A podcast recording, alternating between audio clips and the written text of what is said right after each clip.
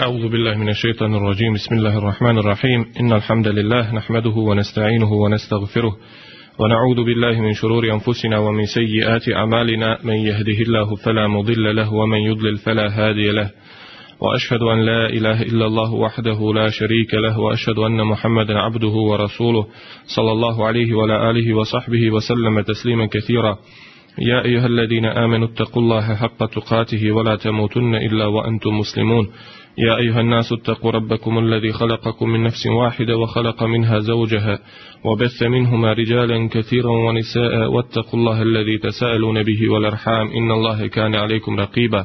يا أيها الذين آمنوا اتقوا الله وقولوا قولا سديدا يصلح لكم أعمالكم ويغفر لكم ذنوبكم ومن يطع الله ورسوله فقد فاز فوزا عظيما فإن أصدق الحديث كتاب الله وخير الهدي هدي محمد صلى الله عليه وسلم وشر الأمور محدثاتها وكل محدثة بدعة وكل بدعة ضلالة وكل ضلالة في النار أما بعد Zahvaljujemo Allahu uzvišenom stvoritelju i donosimo salavat i selam na njegovog miljenika Muhammeda sallallahu alihi wasallame, na poslanikovu časnu porodicu, njegove ashabe i sve one koji slijede čineći dobro do sudnjega dana. Naime, e, nama kao muslimanima, vjernicima je poznato da je poslanik Muhammed sallallahu alaihi sallame dobio objavu od svoga gospodara i da tom objavom poslanik Muhammed sallallahu alaihi sallame je bio posljednji poslanik prije sudnjeg dana i to imamo jasno kazano i u Kur'anu i u sunnetu Allahovog poslanika alaihi salatu wasalam Znamo da uzvišeni kaže ma kane Muhammedun eba ahedi min rasul Allahi wa hatiman nabijin. Muhammed nije bio otac ni jednog od vaših ljudi, međutim on je Allahov poslanik i pečat vjerovjesnika. Također poslanik alaihi salatu wasalam u svojim hadisima to jasno kazuje i imali smo priliku slušati te hadise u našem ciklusu emisija eh, gdje smo govorili o poslanikovim hadisima koji govori upravo o njemu, o njegovim vrlinama i vidjeli smo da poslanik alihi salatu wasalam između ostalog svojim hadisima to ukazuje kada spominje svoj primjer i primjer njegove upute kao primjer čovjeka koji je sagradio jednu građevinu i lijepo je uredio i dotjerao, međutim na jednom čošku je ostala jedna cigla neugrađena i onda su došli ljudi kružiti oko te zgrade i diviti se njenoj ljepoti, međutim još kažu samo da je postavljena ova jeli, e, cigla, ovaj e, čerpić, to bi bilo dobro i bila bi usavršena. I kaže poslanik Arehi Salatu Osram, ja sam ta cigla. Odnosno, hoće reći da nema više poslanika poslije, poslije njega. I kao takav poslanik Arehi Salatu Osram je dobio i posljednju objavu koja će ostati jeli do sudnjega dana, što također imamo jasno u kuranskim ajetima i hadisima Allahovog poslanika Arehi Salatu Osram. Zbog toga je bilo i logično da ta vjera koja je jeli, e, posljednja prije sudnjeg dana i poslije čega više neće biti objave niti poslanica, bude sačuvana. I zato jeste e, e uzvišeni gospodar učinio ili postavio određene propise u samoj vjeri islamu koje su garant njenog očuvanja i njenog e, održavanja. Tako ćemo vidjeti da je Allah subhanahu wa ta'ala odredio jeli, borbu na njegovom putu ili džihad kako bi se sačuvao islam i islamska zemlja od neprijatelja i oni koji jeli, žele da joj naudi. Također je Allah subhanahu wa ta'ala propisao također još jednu e, vrlo bitnu obavezu, a to jest davec ili pozivanje e, u islam i govor o islamu kako bi se ta vjera širila, kako bi se prenosila drugima i kako bi se je li pomoglo drugima da e, iziđu iz tmina zablude u svjetlo istine i u svjetlo spasa je li koje će dovesti do njihovog uspjeha na ovom i na onom svijetu. I je li kao što možemo vidjeti e, ova dva propisa jesu u stvari faktori koji utiču na, na vanjski uspjeh e, Allahove vjeri. A kada se radi o unutarnjem jeli, faktoru koji utiče na očuvanje ummeta, na njegovu jeli, e, čvrstinu i otpornost na mnoge stvari koje e, nastoje narušiti taj ummet, naravno da je tu Allah subhanahu wa ta'ala odredio jeli propis koji je e, svojom naravi zadužen da čuva u stvari jeli, taj ummet i njegovu čvrstinu. A naime, radi se o nečemu što se u islamu, islamski učenjaci nazivaju al-hisbet, ili što je kod nas možda poznatije kao naređivanje dobra, a odraćanja od zla. Znači, e, radi se o tome da e, ova institucija jeste glavni faktor očuvanja ummeta kao što rekao smo njegove čvrstine, jer radi se da kada je Islam objavio svoje propise i tu teoriju koja je došla e, ona ne može ostati sama za sebe. Znači islamska teorija nije ta koja može ostati samo u knjigama negdje u, u, u razumima e, naučena, nego se ona mora prakticirati i sprovesti u praksu. A naravno, kao što nam poslanik Alehi Salatu Vasalam kazuje i kao što znamo i činjenica je da ljudi često puta odstupe od određenih e, propisa koje su došli ili kroz Kur'an ili kroz sunnet, jer onda naravno mora postojati institucija koja će voditi računa ili koja će regulirati takav, takav jedan e, odnos teorije i prakse jeli da bi se ovaj umet e, održao i da bi opstao. I naravno, takva jedna institucija sigurno da ima veliku i značajnu ulogu u društvu jednoj muslimanskoj zajednici kako za pojedinca tako je li i za, za cijelu jednu zajednicu i vidjet ćemo da ona u stvari traži od cijele te zajednice muslimana da se e, odazovu ili da preuzmu tu odgovornost očuvanja ummeta i kao što znamo da je poslanik alihi salatu wasalam jeli, preporučio da prenesemo pa makar i ajet koji smo naučili, koji znamo na što se odnosi, pa kako onda jeli ako se radi o nekim bitnim stvarima. I sigurno da je ovakva jedna institucija jeli naređivanja dobra, odvraćanja od zla e, postavljena u islamu kao jedan farz obaveza vađib pored ostalih obaveza koje imamo i koje znamo i jasni su nam kao što je namaz, kao što je po, i tako dalje i naravno, ako muslimani ne budu izvršavali tu svoju obavezu, sigurno da će samim tim biti griješni, ali i pored toga što e, ostavljanje takve jedne obaveze, ne izvršavanje e, sa sobom povlači jeli, da, da se pojavljuju neki drugi e, negativni elementi u društvu jednom muslimanskom, odnosno grijesi u koje čovjek pada. Zato ćemo naći da kroz Kur'an Allah subhanahu wa ta'ala ukazuje na bitnost ovoga, na bitnost ove institucije, da se ona mora izgraditi i da to postaje farzom. Jeli kada kaže uzvišeni wal tekum minkum ummetun yad'una ila al wa bil wa 'anil munkar. Neka od vas bude jedna skupina koja će pozivati u dobro, a odvraćati od zla. Znači nagovarati, e, naređivati dobro, a odvraćati i zabranjivati da se čini ono što je loše, što je zlo, što je grijeh. Wa ulaike humul muflihun i to su oni koji su uspješni. Znači ovdje vidimo da u ovom kuranskom ajetu Allah veže uspjeh, li kao što vidimo na kraju ovog ajeta, veže uspjeh na ovome, ali i na onome svijetu za ovu instituciju. Znači instituciju naređivanja dobro odvraćanja od zla. I također ono što možemo primijetiti u ovome ajetu je li da Allah subhanahu wa ta'ala kaže minkum od vas. Što znači da ne mora cijela muslimanska zajednica ili cijela skupina na tom jeli, prostoru se odrediti, preodrediti za ovu instituciju, ali se moraju naći, moraju biti i postojati oni koji će preuzeti tu odgovornost na sebe prvenstveno, ali tim, e, tim preuzimanjem te odgovornosti sigurno da ne, ne spada e, ista ta odgovornost sa pojedinaca, naravno onoliko koliko oni mogu i koliko su stanje, što svakako najbolje razumijemo da čovjek koji je jeli, e, glava kuće u svojoj porodici, otac muž i tako dalje, on prvenstveno preuzima ulogu jeli, e, onoga koji će e, nositi odgovornost i težinu ove institucije u svojoj kući, u svojoj porodici, nad svojom ženom, nad svojom djecom i tako dalje. Međutim, isto tako i, žena i djeca imaju tu odgovornost onog momenta kada vide jeli, da je neko od njih ili da je glava kuće učinila određeni prijestup, udaljila se od onoga što jeste i što treba biti po islamu svakako jeli, da oni ispunjavaju tu svoju dužnost. Dalje, jeli gledajući i e, posmatrajući Kur'an i njegove poruke po ovom pitanju, vidjet ćemo također da Allah subhanahu wa ta'ala kada govori o ehlul kitabijama, o ummetu jeli, koji je e, među njima bio na pravome putu koji kao što kaže Allah subhanahu wa ta'ala uči njegove ajete i, i noću i danju i kaže e, dalje yu'minuna billahi wal yawmil akhir wa ya'muruna bil ma'ruf wa yanhauna 'anil munkar wa yusari'una fil wa ulaika wa ulaika salihin. Oni koji vjeruju u Allaha i u sudnji dan naređuju da se čini dobro, odvraćaju od zla i je li žure da učine e, dobra djela, to su oni koji su od e, vjernika, od dobrih e, vjernika. I kaže se ovdje je li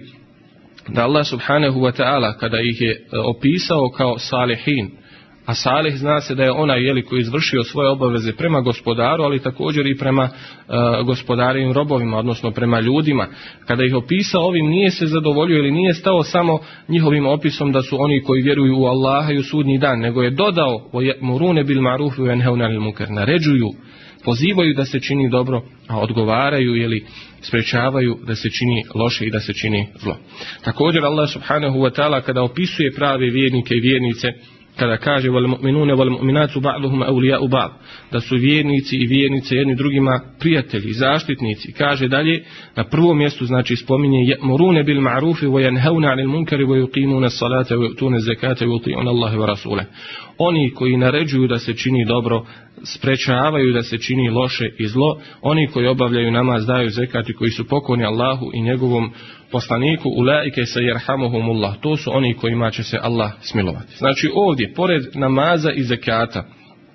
koji su jedni od temelja islama, što je svima nama poznato, je li Allah subhanahu wa ta'ala zajedno sa tim spominje ovu je instituciju ili ovaj faktor, kao što rekli smo, naređivanja, e, dobra odrećanja od zla, koji je faktor je očuvanja ovoga umeta. I e, onda kada ispune to i kada daju, je li, e, su, izvrše tu odgovornost koja je na njima, onda dolazi u lajke se to su oni kojima će se Allah smilovati. I Allahova milost je sigurno, je li, E, vezana, vezana za ovu instituciju, za, za, za brigu o naređivanju dobra, a odraćanju od zla. I zato Znači, pored toga što je to obaveza, što je e, to jedna e, institucija koja se ne smije zanemariti, također je to i ono što odlikuje ovaj ummet i što ga čini najboljim i najodabranijim, kao što kaže subhanahu wa ta'ala kuntum hajre ummetin uhriđet lin nas bil ma'rufi wa tanhauna munkar. Vi ste najbolji ummet koji se ikada pojavio među ljudima. Naređujete da se čini dobro, a odvraćate od zla. Znači, zbog toga ste, zbog toga ste najbolji. Također, E,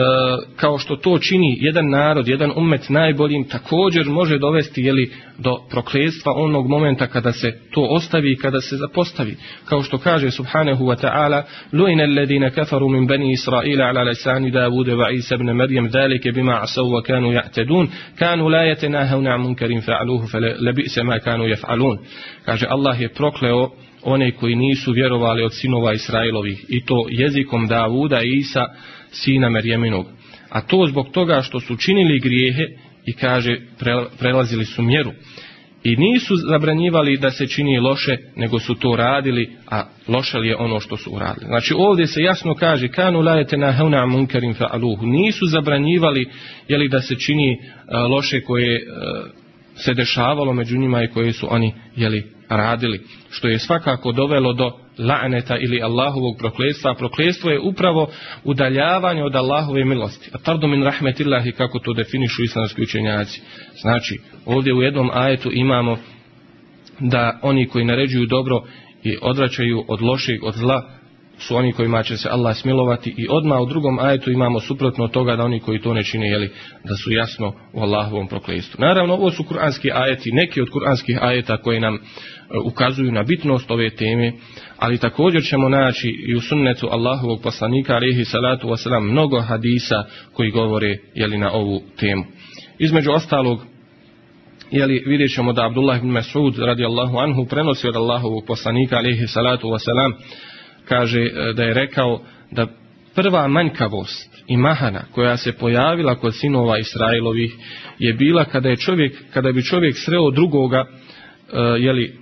kako čini određeni grijeh, govorio bi o ti boj se Allaha, ostavi to što radiš, jer to nije dozvoljeno. A kaže sutra kada bi ga sreo, kaže, onda mu više to ne bi zabranjivao, sve dok ne bi postao jeli, onaj koji bi sjeo sa njim i sa njim jeo i pio jeli, i družio se i tako dalje, sve dok Allah subhanahu wa ta'ala nije dao razdor među njihovim srcima i onda je poslanik alihi salatu wasalam proučio ovaj ajet iz sure El Maide Lu'ina alledine kafaru min bani Israila ala lisani Davude isebne maryam da oni koji nisu vjerovali od sinova Israilovi da su prokleti jezikom Davuda va Isa sina, uh, Isa sina maryaminu Znači, ovaj hadis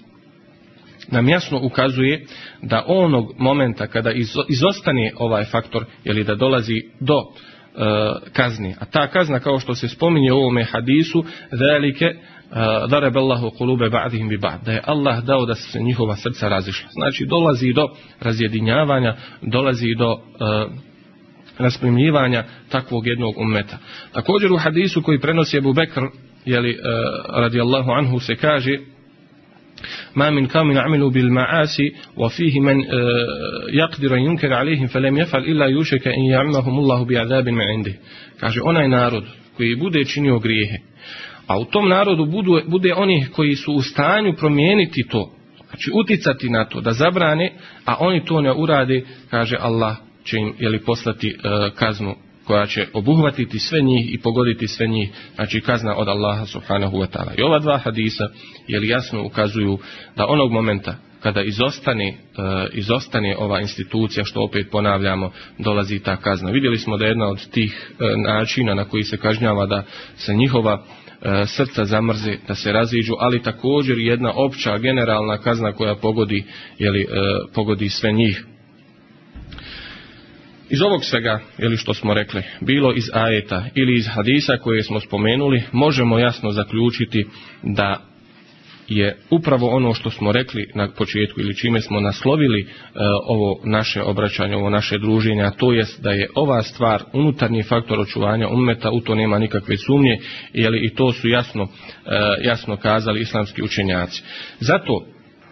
e, je islamski ili ummet još od svoga početka, od, od eh, ranih dana, naravno s razlogom eh, odredio institucije koje će se jeli baviti ovim, koji će se baviti naređivanjem dobra odvraćati od zla. Zbog čega? Dešavalo se eh, onda kada pojedinci koji e, možda nisu i sasvim spremni za takvu jednu e, djelatnost, za takvo jedno djelovanje preuzmu na sebe e, tu instituciju je li dovodi do situacije da prelazi granice u tome, da pravi greške, greške koje se vraćaju kobno i ne samo da se ne ispuni ono što je cilj takve jedne institucije, znači da, da se očuva umet zdravim, e, čistim od grijeha, da izvršava svoje obaveze, naprotiv dešava se da ne se ne ukloni to, nego se pojavljuju još veće, jeli, još veći problemi. Zato su se pojavile jeli, kroz istoriju islama određene institucije koje su se bavile tim problemima, jeli, što je e, sasvim spoznato. Međutim, i pored tih institucija nikada nije spala obaveza sa pojedinca da radi zajedno sa njima, da ih pomaže jeli, u tom njihovom poslu, jer ako bi se samo prepustilo E, na te institucije sigurno da, da ne bi mogle sve e, stići, da ne bi mogle doći do svakog e, lošeg dijela koje se čini da bi upozorile, da bi ispravile, da bi djelovale i tako dalje. Zato jedan pojedinac mora sebe aktivirati. I međutim mi smo svjedoci da, da nekada čovjek kada vidi određeno djelo, bilo da se radi o pljački, bilo da se radi o jeli, maltretiranju i tako dalje, on ne djeluje on se ne javlja. Zbog čega? Zbog određenog straha kojeg on ima i osjeća jeli, da bi se mogao desiti. Međutim, taj strah se mora prevladati jeli, na, na razno razni način, jer kao što rekao smo, ako bi se povukli pojedinci koji su u stanju uticati da se ono što je loše promijeni i da se jeli, izmijeni, onda bi se u stvari, u stvari taj prostor ostavilo tim ljudima koji čine te loše stvari jeli, i onda ne bi moglo doći do potpunog ispunjenja ove institucije, a onda je li kao rezultat toga dolazi ono što smo spomenuli, e, što smo spomenuli malo prije. Što se tiče e, nastavka ove teme, ona je e, možda i bila je li u pravcu ovog pitanja koje je postavljeno jer svjedoci smo jeli, da se dešava i naređivanje dobro doćanje od zla će biti dok bude i muslimana jer naravno onaj koji se boji svoga gospodara i koji pozna i ole svoju vjeru zna da je dužan prenijeti e, to svjetlo jeli, istine drugima, upozoriti druge kada vidi da čine određene grijehe i tako dalje. Međutim, kao što spomenu smo da jedan od razloga uspostavljanja institucija koje se bave time je bio e, upravo razlog taj što pojedinci kada to preuzmu na sebe nisu dovoljno jeli, upućeni određene stvari koje trebaju ispuniti i koje moraju imati u vidu prilikom tog pozivanja i onda se jeli, dešavaju, dešavaju te greške. I naravno islamski učenjaci su e, bili svjesni toga i pogotovo danas jeli, kada imamo e, prilično dosta primjera upravo kao što se ispominje u ovome primjeru ne samo kod nas nego, nego svugdje u, u muslimanskom svijetu gdje ima muslimana gdje se jeli praktikuje ova jedna institucija i zato su pokušali u određenoj mjeri da e, sakupe ili da analiziraju šta je to uglavnom što dovodi do tih grešaka u pozivanju jeli, e, u naređivanju dobra, odvraćanju od zla. I naravno čovjek kada ima to na umu onda E, kada zna čega će se čuvati, sigurno da će znati kako da pozitivno i kako da djeluje na pravi, na pravi način. I svakako da, kao što je bitno spoznati pravi način, također je bitno spoznati i greške koje, ili opasnosti koje čovjeka vrijebaju na tom putu kako bi se mogao sačuvati i u tom kontekstu jeste Hodeife radi Allahu anhu pita Allahu poslanika ali salatu wasalam kao što kaže kaže dok su ga drugi pitali o dobro ja sam pitao o, zlu onome što mi prijeti kako bi se mogao sačuvati toga zato ćemo inšallah jeli pokušati spomenuti određene stvari koje će sigurno pomoći nama e, kojima je jeli, dužnost da e, opominju druge, da ih pozivaju na dobro, a odvraćaju od zla onoliko koliko mogu i koliko jeli, poznaju, a što će nam svakako biti inšala jasnije i kroz ovu temu dalje kada budemo govorili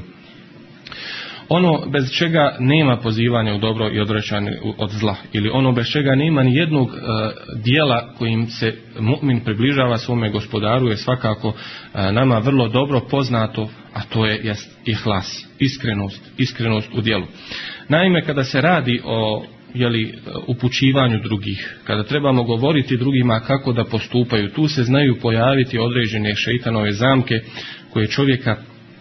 jeli, e, voze e, u sebe kojega jeli, na kraju e, sputavaju učini da pogriješi, da učini grešku. Pa ćemo vidjeti jeli, da, da čovjek tada na tom putu osjeti ili pojavi se kod njeg taj osjećaj nadmoćnosti, da je on taj koji jeli, upravlja ljudima. Pa koliko je puta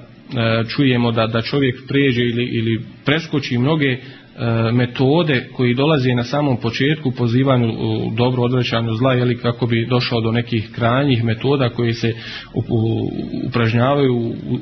ekstremnim slučajevima ili u posebnim slučajevima ni zbog čega drugog osim jeli da bi zadovoljio tu svoju strast koju ima ili strast da bude e, grub, da ispolji tu svoju grubnost i tako dalje. Pa često puta možemo i čuti kako je nekada kada neko hoće da promijeni određeno zlo ili loše djelo koje vidi da je li utiče ispuni ovu instituciju i prije nego što dođe do tog mjesta gdje bi trebao da djeluje to zlo nestane, ukloni se, prestane ga biti i onda njemu biva je li teško, rastuži se, zašto on nije stigao na vrijeme pa da on je li po znacima navoda pokaže kako treba da bude i tako dalje što svakako uključuje da je e, ova e, ovaj temelj iskrenosti koji je bitan u svakom dijelu znači izostao kod njega, izostao u tom slučaju. A mi znamo jeli, e, da, da svakako ono što, kao što rekli smo, mora biti kod svakog dijela, pa pogotovo i ovo koji je, kao što vidjeli smo, farz ili obaveza muslimanima, znači mora postojati, draga braću i sestre, ta iskrenost. I iskrenost, kao što kažu islamski učenjaci, jeste tajna između roba i njegovog gospodara, koji poznaje samo njegov gospodar. Ja ne moha telajuni oma sudor, koji poznaje jeli, i, i ono što prsa skrivaju ili i što oči e, ne vidi. I zato e, sigurno mora e, čovjek koji se bavi ovom stvari obratiti veliku, veliku pažnju ne samo zato što je e, bitno za određeno djelo, nego zato što je i samo po sebi teško izvršiti i teško ispuniti. Mi znamo da je Sufjan Cevri, rahmetullahi alihi govorio da ništa nije e, liječio teže nego što je liječio svoje srce i ono što je u njemu. Znači tu iskrenost Allahu subhanahu wa ta'ala. Pa kada islamski učinjaci govore zašto je toliko teško liječiti, kaže zato što iskrenost sa subom ne nosi ništa čime bi duša ili nefs mogao biti zadovoljen. Mi znamo da nefs sam po sebi e, čovjeka nagovara na zlo, čovjeka poziva određene strasti koje su e, njemu omiljene, koje su mu drage i tako dalje, ali čovjek kada je iskren Allahu subhanahu wa ta'ala onda nije ima tu nefs ili taj, taj čovjekova e, strast, nimalo udjela i onda je zbog toga biva teško kontrolisati, zbog toga biva teško staviti jeli, u okvire koje je šarijat e, odredio. I mi znamo da poslanik alihi salatu wasalam jeli, u svome hadisu koji je potpuno jasan e, prenoseći riječi svoga gospodara kaže ene agna šurekaja ani širk men amila nešreke fihi me je gajri taraktu Ja sam najnepotrebniji širka. Meni širk ne treba. Meni partneri sudrug ne treba kaže Allah subhanahu wa ta'ala. I onaj koji učini djelo u kojem bude E, koje bude i radi mene, ali i radi nekog drugog, ja ću ostaviti njega i njegovo djelo. Znači širk sa svim njegovim oblicima, bilo da se radi o malom ili velikom, ne dolazi u obzir i ne smije se nikako, nikako pojaviti. Pogotovo, jeli, ovdje, kao što ćemo vidjeti i zbog čega. I mnogi su kuranski ajeti koji ukazuju na bitnost, iskrenosti a jeli, na, svakako na, drugom, na drugoj strani ili suprotno od iskrenosti dolazi taj širk, idolopoklonstvo, smatranje nekoga Allahu ravnim, jeli, e, kao što rekao smo bilo da se radi o velikom malom. Kaže subhanahu wa ta'ala između ostalog فَمَنْ كَانَ يَرْجُ لِقَاءَ رَبِّهِ فَلْيَعْمِلْ عَمِلًا صَالِحًا وَلَا يُشْرِكْ بِعِبَادَةِ رَبِّهِ أَحَدًا Onaj koji se nada susretu sa svojim gospodarom, neka čini dobro djelo i neka svome gospodaru sudruga e, i u svome ibadetu Allahu širka ne čini, nikog mu ravnim ne pripisuju. Zato kažu islamski učenjaci da ovaj ajet u stvari sadrži oba uvjeta da bi djelo bilo valjano. Prvom, na prvom mjestu kaže Amelen Saliha Salih, šta je to? Kaže Salih da bude onako kako je propisano Kur'anom i sunnetom, a ovaj drugi dio vada još bi ibadeti rabbih jahada i neka u svom u ibadetu, svome gospodaru nikog ravnim ne pripisuje, znači ovaj dio uključuje iskrenost, iskrenost u, u, u dijelu, i zato, kao što rekao smo, ta iskrenost je tajna između roba i njegovog gospodara. I recimo El Košairi, jedan od islamskih učenjaka, kada definiše iskrenost, kaže da samo Allah bude namjeravan i badetom ili djelom kojim mu se približava. Samo on ili, e, i, i niko više. Međutim, i pored toga što je taj ihlas, iskrenost, tajna između roba i njegovog gospodara. On ima svoje znakove po kojima se može prepoznati. I islamski učenjaci su jeli svakako to stavili i nabrojali. Neki od tih znakova jesu da kod čovjeka koji je iskren u svom dijelu bude mu isto i hvaljenje i kuđenje od strane ljudi. Znači zbog tog njegovog djela. Ha ga pohvalili, ha ga kritikovali zbog toga što je učinio, znači njemu je isto i njemu je svejedno. Znači ne mijenja se kod njega Međutim, ako ta hvala kod čovjeka izazove pozitivan osjećaj i drago mu je što ga hvali zbog tog njegovog djela, a u suprotnom slučaju, a kada ga na drugoj strani kude zbog tog djela, onda mu biva teško, ljut je i krivo mu je, znači da iskrenost kod njega nije postavljena jeli, na, na, prave, e, na pravu mjeru. Sljedeći znak te njegove iskrenosti jeste da e, on ne vidi velikim to svoje djelo koje čini. Znači, ne zadivljuje se sam tom svom dijelu, ne smatra se nešto posebno bitnim da odskače od drugih zato što je učinio svoje to djelo. I treća jeste da isključivo nagradu koju očekuje za to svoje djelo jeste ahiretska nagrada. Ako u bilo kom slučaju je sve i da i ne traži od drugih ljudi e, određenu nadoknadu za taj hajr ili e, ibadet koji je učinio, ali osjeća da su ljudi možda zakazali po pitanju njega zato što mu nisu u, je pružili određenu e, podršku bilo materijalnu, bilo moralnu, bilo jeli psihičku i tako dalje, ako bude to osjećao sigurno je li da taj njegov ihlas ili da ta njegova iskrenost u samom tom dijelu jeli nije ispravna i nije onako kako treba da bude. Ono što najviše narušava čovjekovu iskrenost po pitanju naređivanja dobra, a odvraćanja od zla jeste taj rijaluk. Rijaluk kojim smo mi slušali, i koji nam je poznat, a to jest da se čovjek pretvara da čini dijelo kao da ga čini radi Allaha, međutim negdje u njemu je da, da, da to možda malo uljepša, da malo dotjera to djelo zbog ljudi. Pa je onda onaj primjer koji se stalno spominje, koji je nama poznat kada čovjek recimo klanja i namazuje pa onda dođe neko i vidi ga da klanja, on uljepša taj svoj namaz, malo ga oduži, ljepše uči i tako dalje. Znači, to je taj rijaluk. To je taj rijaluk koji upropaštava čovjeku njegovo djelo i naravno, ako ne prekine sa njim u toku tog ibadeta, kao što je primjer radi namaz, onda je li dovodi u pitanje taj svoj ibadet. Kada se radi također o naređivanju dobra, a odvraćanja, odvraćanju od zla, također taj rijaluk dovodi u pitanje čovjekovo djelo. I naći ćemo mnogobrojne izjave od, od selefa, od poznatih islamskih učinjaka u tim prvim generacijama, koliko su isticali, je li to pa? Na imam Šafija, rahmetullahi Alihi kaže, volio bi da ljudi nauče ovaj moj ilum ili ovo što ja govorim, čemu ja podučavam, da spoznaju, nauče, zapamte, ali da ništa od toga meni ne pripišu. Da ne kažu to je, je li Šafija govorio, to je on činio, nego jednostavno da se okoristi u svome životu. Znači pogledajte je li do koje mjere to dolazi. Dok ćemo na, na, na suprotnoj strani naći kada čovjek uradi određeno djelo pa se kaže uradio ga je taj i taj, znači greškom se pripiše nekom drugom, a ne, to sam ja uradio, ne možeš tako govoriti i tako dalje. Znači, isključivo se traži da se spomene ko je to uradio, što svakako kada uporedimo sa ovakvom jednom izjavom koju smo čuli od ovog islamskog velikana, je li ne može ni doći u obzir i ne može se porediti. Ono što, je, što nam jasno ukazuje je li da nije bitno da se samo pojavi to djelo, nego da mora biti te iskrenosti u tome jeste hadis gdje Allahu poslanik alejhi salatu wasalam jasno kaže da prva trojica kojima će biti potpaljen džehennem i koji će biti prvi bačeni u džehennem jesu trojica koji su činili najodabranija djela Prvi je li koji se borio na Allahovom putu, koji je bio u džihadu, drugi koji je e, učio, isticao znanje ili učio Allahovu knjigu pa to prenosio drugima i treći koji je dijelio sadaku na Allahovom putu. Znači prvi je žrtvovao život, drugi je jeli, e, žrtvovao svoje vrijeme i svoj trud, treći je žrtvovao i metak, otprilike sve ono što je čovjeku najdraže, što mu je najmilije. Ali kao što znamo u tome hadisu i poznata mi da i pored takvih velikih dijela njihov nije ako nije bio čist da onda završavaju kako ne treba. Pa kada dođu na sudnji dan i Allah ih upita šta si ti činio, kaže ja sam se borio na tvome putu, je li da tvoja riječ bude uzvišena i tako dalje, kaže ne ti si se borio kako bi ljudi rekli e,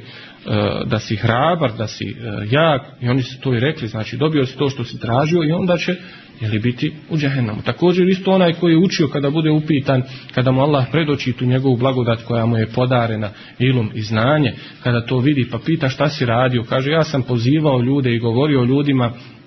podučavao ih radi tebe, kaže, ne, ti si podučavao kako bi ljudi rekli, mašala, što je učen, što je dobar vajz, što je onakav ovakav, ljudi su to rekli, dobio si što si tražio i je li završio gdje ne treba. Također i onaj koji je dijelio sadaku, davao na Allahovom putu, kada mu Allah predoči kolika je to blagodat i metka, pa da ti udjeljuješ na Allahovom putu, tako dalje, i on to spozna onaj reći ti si udjeljivao kako bi ljudi rekli da si e, dobročinitelj, kako si e, hajirli insan, kako si onakav ovakav, jer to su ljudi rekli i zaslužio si znači što si dobio onda ideš tamo gdje treba. I naravno onog momenta kada iskrenost u ovoj instituciji naređivanja dobra, a odvraćanja od zla izostane, onda izostane obično i rezultat. Dolazi da nema rezultata. I zato je Ibrahim ibn Ethem, jedan od jeli, pobožnjaka, rekao Ma Allah neće dati, neće biti iskren, odnosno neće mu dati te iskrene rezultate a, a onome koji bude volio e, da bude e, poznat, da bude njegovo ime to koje će se spominjati u masama, koje će se uzdizati i tako dalje. I zato ihlas ili iskrenost mora biti prvi na početku ono što će motivirati, što će pogoniti čovjeka onog momenta kada ide ljudima kazati šta je dobro, kada ide ljude e, upozoriti od onoga što je loše, znači kada bude izvršavao tu instituciju naređivanja dobra, a odvraćanja, odvraćanja od zla. Također, ono što islamski učenjaci spominju, što je sasvim jasno, često puta čovjeku se desi, jeli, e, kada se desi da on ljude poziva u dobro, odvraća ih od zla. Pojavi se kod njih taj osjećaj rijaluka ili osjećaja e, samozadovoljstva, da mu je drago što ga ljudi vide i tako dalje. I kaže, onda se može desiti da čovjek kada se preispita, prestane pozivati. Znači, e, ostavi e, taj jedan farzi, taj u koji ima obavezan. Međutim, kažu islamski učenjaci da ne mora i nije slučaj ili nije obavezan da ostavi, nego je se radi o dvije stvari. Radi se o tome da mu je e, haram da se pojavi kod njeg realuk u takvoj situaciji, ali je također i haram da ostavi instituciju naređivanja dobra odvraćanja od zla. I ako bi se pojavilo jedno, znači učinio jedan haram, ne može sebi dozvoliti da učini drugi haram, da ostavi i ovo, nego će se boriti protiv prvog, a ustrajavat će u drugome. Jer, recimo, čovjek koji ima kod sebe tog prijaluka, koji poziva i govori ljudima jeli da bi ljudi rekli kako je učen, kako je dobar. Nije isključivo radi toga, ali ima i toga malo kod njega. Neće mu se reći prestani nemoj govoriti ljudima. Ne, naprotiv, ti govori i poziva ljude, zato što tvoj govor je pozivanje u dobro, odvraćanje od zla, e, e, govor o nagradi koje ljude čeka na onome svijetu, ono što će ih nagnati da čine i badet i ta dobrobit koja će se desiti ljudima koja će ih vratiti vjeri je sigurno veća od toga, od te štete koja će se desiti tim što ti ustraješ u tom realuku, ali si dužan da se bojiš, boriš e, protiv toga. Dužan si da to odstraniš od sebe. Sljedeća stvar e, koja se mora imati na umu prilikom pozivanja e, na dobro i odrećanje od zla jeste udaljavanje od sumničenja ili lošeg ružnog mišljenja kako se to nekada eh, prevodi odnosno su van Ibn Kasir rahmetullahi alejhi ali kada definiše su van ili to sumničenje kaže da je to eh, potvaranje i sumnjičenje tamo gdje nema mjesta, gdje ne treba biti i eh, neispitivanje suštine stvari kao i sud o nečemu bez dokaza, bez argumenta gdje jeli, možemo razumjeti u stvari o čemu se radi kada se kaže to sumniči. I kaže da je e, opasno širenje ove pojave ili sumničenja, ružnog mišljenja u zajednici da se ta opasnost krije u tome da e, pojedinci kada požu sumnjičiti jedni drugi, ne osjećaju sigurnost i smirenost jednih prema drugima. Jer iščekuju svaku riječ ili pokret koji dođe od drugog da bi na njoj gradili ili kule svoje mašte vizija, izmišljotina koje kod koje se na kraju pretvore u činjenice kroz koje ta onda osoba gradi svoj odnos prema drugim pojedincima, prema zajednici i tako dalje. Tako da na osnovu tih mašti, pa poslije postanu kod njeg činjenice, on biva osor prema ovom, izbjegava onog, sankcioniše tog i tako dalje, ili čak što više nekada dolazi i da udari nekoga, da ne do Allah ubije nekoga, jer sve oslanjajući se na te akumulirane sumnje u svom ili tom bolesnom umu koje u stvarnosti nemaju e,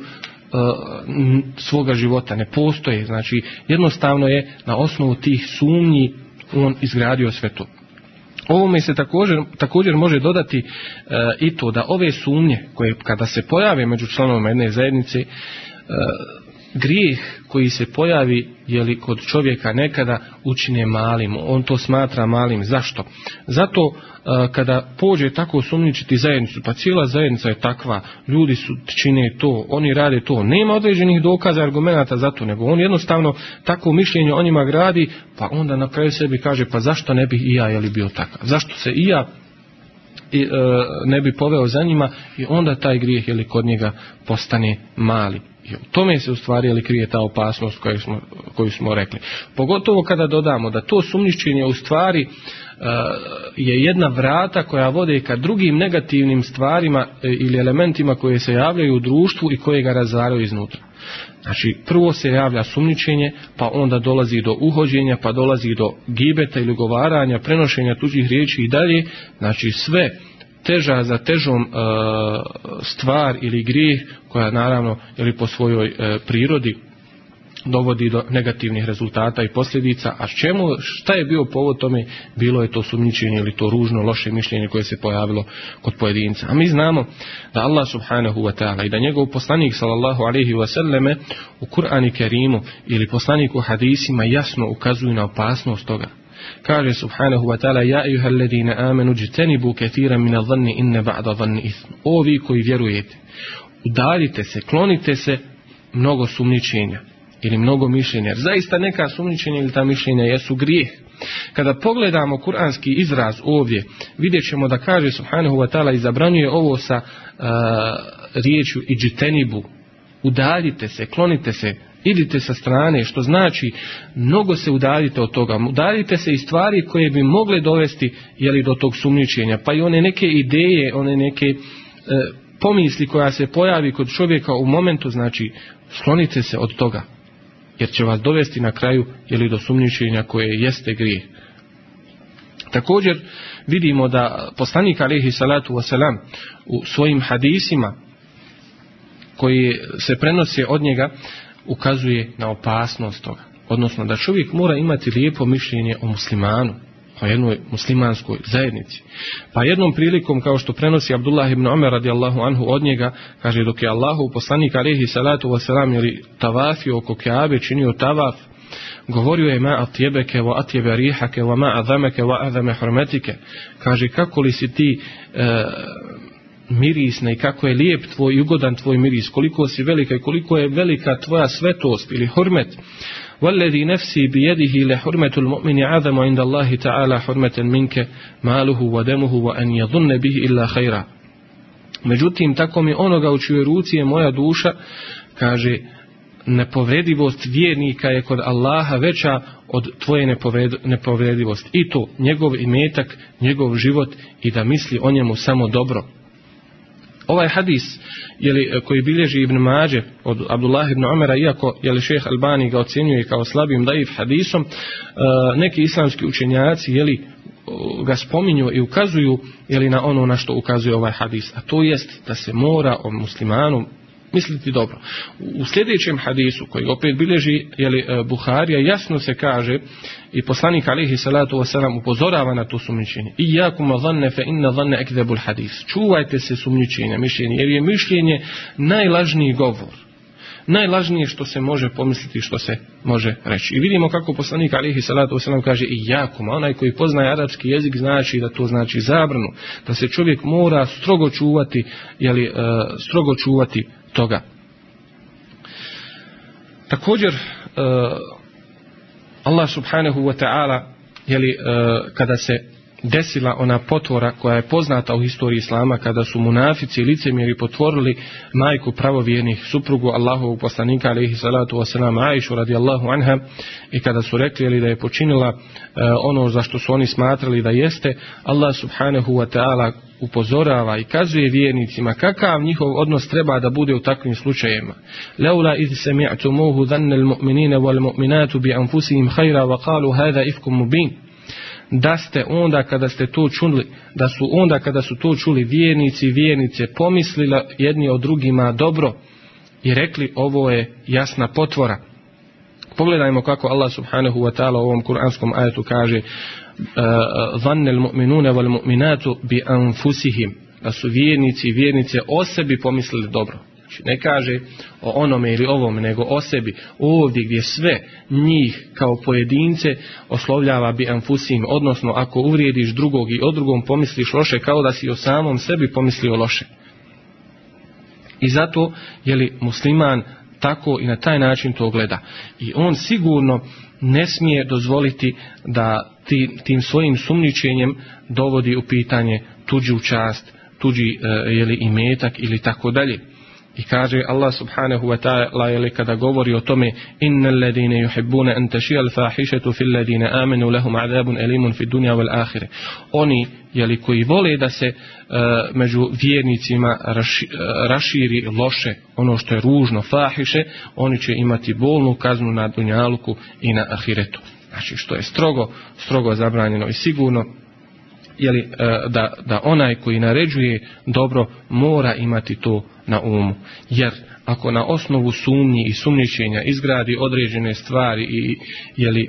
ako pođe maštati što nekada zna kod nje jeli prerasti u činjenicu onda će dovesti da sigurno pogriješi na tom putu i da se jeli, e,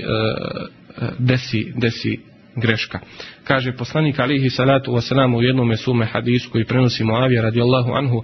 inneke in teba'te aurati nasi afsetehum au kite entufsidehum ti ako pođeš pratiti i tražiti mahane ljudske kod ljudi ti ćeš ih upropastiti ili skoro da ćeš ih upropastiti. Međutim, jeli, e, ono što mora biti i kako treba da, e, da bude jeste da ta e, prsa kod čovjeka muslimana budu čista i zdrava prema drugom muslimanu. Znači, zajednica gdje jedni prema drugima imaju takva zdrava mišljenja da e, ono što drugi učine, pokušavaju protumačiti na najbolji mogući način. E, zato jesu riječi Omerove Allahu, anhu ne o riječi koju kaza tvoj brat osim dobro, sve dok je moguće protumačiti na dobar način. Znači kada čuješ nešto što bi mogao protumačiti na nešto e, na neki negativan način, nemoj to uraditi nemoj to učiniti, nego protumači na dobar način, i onda sa takvim jednim osjećajem kada uđeš ili u tu instituciju naređivanja dobra i odvraćanja od zla, Allah, da će i Allah dati pozitivne rezultate. Sljedeća stvar na koju se mora obratiti pažnja jeste ono što dolazi poslije sumnjećenja, a to jest uhođenje koje svakako u instituciji naređivanja dobra odrećana zla je nešto što, što se postavlja kao prepreka i što onaj koji se bavi tim i koji se misli baviti, a kao što rekao smo svi mi u neku ruku manje ili više jesmo dužni time, znači moramo znati da je to zabranjeno. I zato ćemo vidjeti da u Ehea i Lumidinu Gazalija primjer radi kao je svaki onaj koji krije grijeh u svojoj kući zatvarajući vrata, nije dozvoljeno da se uhodi jer je to zabranjeno. A naravno ove riječi nalaze svoju potporu u praksi ashaba, u praksi selefa i tako dalje. I zato kada definišu teđesus, uhođenje, šta je to? Kaže, to je traganje za nečim što je skriveno od ljudskih stanja i ova riječ teđesus koja u arapskom znači e, uhođenje dolazi od džese što znači leme se dotaknuti kada želimo znati kako je nešto kako izgleda mi to dotaknemo isto to se može znači razumjeti i o uhođenju znači kada želimo da znamo kako je nešto kako ono izgleda da se mi raspitujemo o nekim stvarima koje su skrivene i koje naravno E, namjerno nama nisu pokazane ili kako bismo mi saznali i tako dalje. I Allah subhanahu wa ta'ala u Kur'an i u suri koja je nama poznata, jasno kaže volate nemojte jedni druge uhoditi. I poslanik alihi salatu wasalam, kada govori o muslimanima, kada govori o njihovoj zajednici, zabranjuje to strogo i kaže volate hasesu, volate I nemojte jedni druge uhoditi. Znači to uhođenje u ovoj instituciji strogo mora biti izbjegavano i strogo se mora jeli, zaobići. Poslanik alihi salatu wasalam u jednom hadisu koji prenosi Ibn Omer radijallahu anhu bilježi ga Tirmidi gdje kaže Ja mašare men kad esleme bilisanihi volem jefdil iman ila kalbihi Ovi koji ste prihvatili islam svojim jezikom ali iman još nije došao do, vaših srca La tu'dul muslimin Nemojte uznemiravati muslimane Nemojte im zijeta činiti Vola tu'iruhum Nemojte ih sramotiti njihove mahane iznositi Vola tetebi avratihim Fa innahu men teteba aurate ahihi muslim teteba Allahu avratahu I nemojte tragati za njihovim mahanama jer onaj koji bude tragao i tražio istraživao ma mahane svoga brata muslimana, Allah će tražiti, istraživati njegove mahane. U tebe A onaj kome Allah bude tražio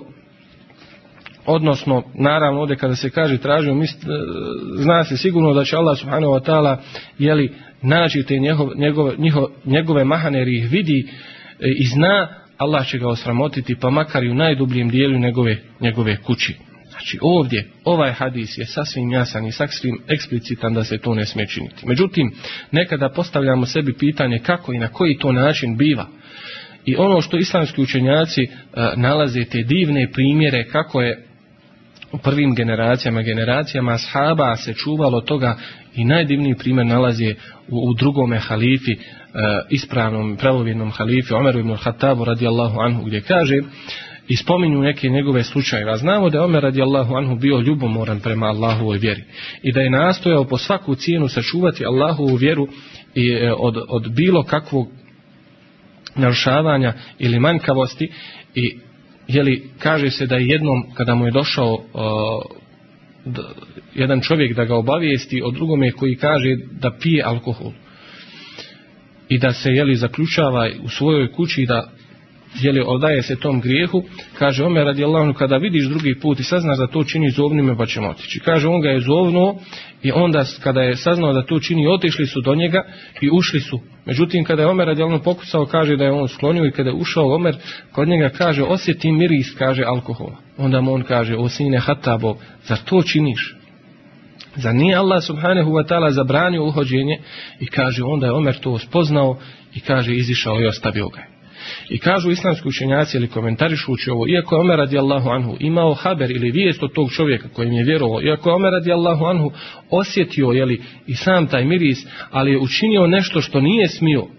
i što se nije smjelo pojaviti na tom putu, a to jest uhođenje, ispitivanje, vidjet ćemo kako kasnije kažu islamski učenjaci da nije dozvoljeno čovjeku ni da pita a šta je to, a kako je, nego ono što vidiš, što je vanjsko i spoljašnje i po tome i sudiš i onda jeli, se može desiti naređivanje dobrodoćanje od zlak ako je to javno i ako se javno čini. I ovo je veoma bitno pravilo da se spomene, koje se spominje od jeli, ashaba da su to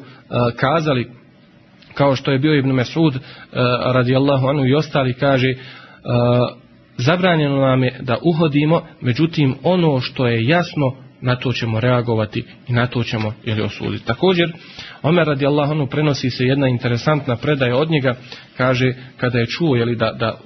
na određenoj parceli se također dešava taj grijeh sa alkoholom, kaže da je preskočio zid i došao do njih i rekao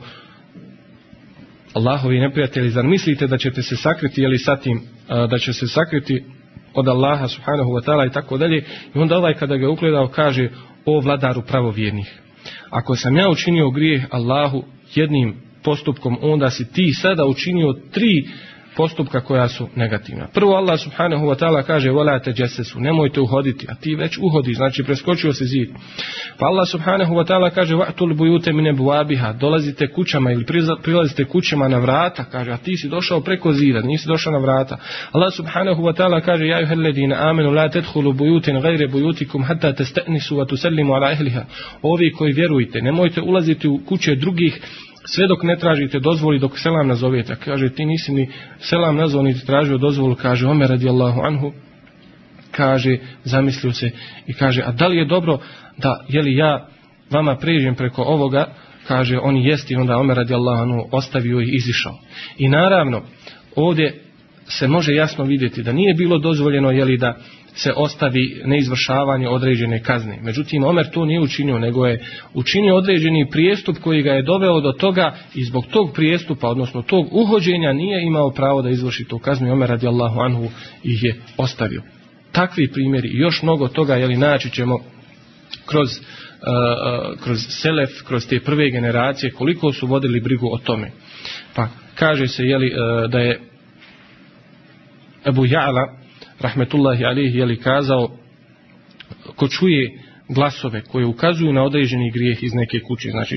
kuće dolaze glasovi koji bi mogli ukazati da se tu čini grijeh, upozorit će ih svana, Znači, svana neće ulaziti u kuću, ne smije provaliti, kaže, jer to što vidi je ono na što će upozoriti. A nema pravo da otkriva, odnosno da uhodi, da uđe u kuću pa da vidi još šta to ima ili kako bi onda reagovao. Nego ono što vidi na to i reaguje što se u potpunosti ili slaže sa onim što smo jeli, e, malo prije spomenuli. Također islamski učenjaci kada govore o ovome kažu da upozoravanje biva onome ko to čini javno, ne skrivajući se.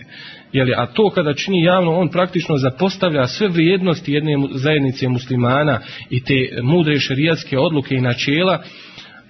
i javno to čini, on stvari kao da širi taj grijeh među ljudima i kao da druge poziva na to i onda biva reagovanje i onda biva sankcionisanje. Međutim, kao što smo vidjeli onog momenta kada se čovjek sakrije jeli, i kada zatvori, kao što kažu islamski učenjaci, vrata za sobom i to ne iznosi javno, onda čovjek nema pravo da provaljuje u njegovu kuću, jeli, e, da odlazi e, kako bi jeli, saznao šta je o čemu se radi. Sljedeća stvar o kojoj mora jeli, e, se voditi e, pažnje, a to jest šerijatsko pravilo koje ćemo naći u, islamskoj literaturi, literaturi na mnogo mjesta spomenuto i mnogo e, pojedinačnih propisa koji se spominju u islamu, u islamu stvari proizilaze iz tog jednog pravila koje je poslanik alaihi salatu wasalam kaže u svome hadisu la darare wa la dirar. Nema štete niti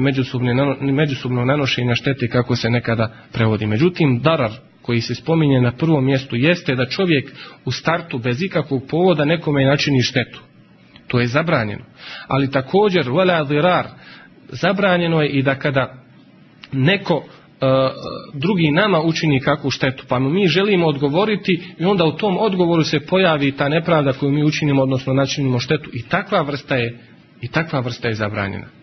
Znači da u početku, startu se to čini, ali također i kada nam drugi učini. Naravno ovo je tema u koju smo ušli, a sigurno da se ne može završiti u ovom vremenu je koje je e, predviđeno. Pa ćemo mi inšallah stati ovdje a kažem ostalo još dosta toga da se kaže, ćemo ovdje kako bismo ostavili nekoliko minuta i za neka pristigla pitanja ako budemo uspjeli odgovoriti na njih. A naravno možemo jeli, možda i obećati neki drugi put ako se pruži prilika da nastavimo sa ovom temom koja je zaista interesantna i koju moramo svi imati na umu, odnosno poznavati, zato što, kao što rekao smo manje ili više, svi smo mi nekako dužni da naređujemo dobro, da odvraćamo od zla kako bi jeli, e, jedna zajednica muslimana, ta ljudska zajednica ili ostala e, zdrava, ostala e, bez ako je to moguće i kako loših stvari, znači tu je naše nastoje, naš ideal, a koliko ćemo postići, ili da molimo samo Allaha subhanahu wa ta'ala da nas pomogne u tome. Na kraju, ja bih vam zahvalio ili za vašu strpljivost, zamolio Allaha subhanahu wa ta'ala da vas nagradi.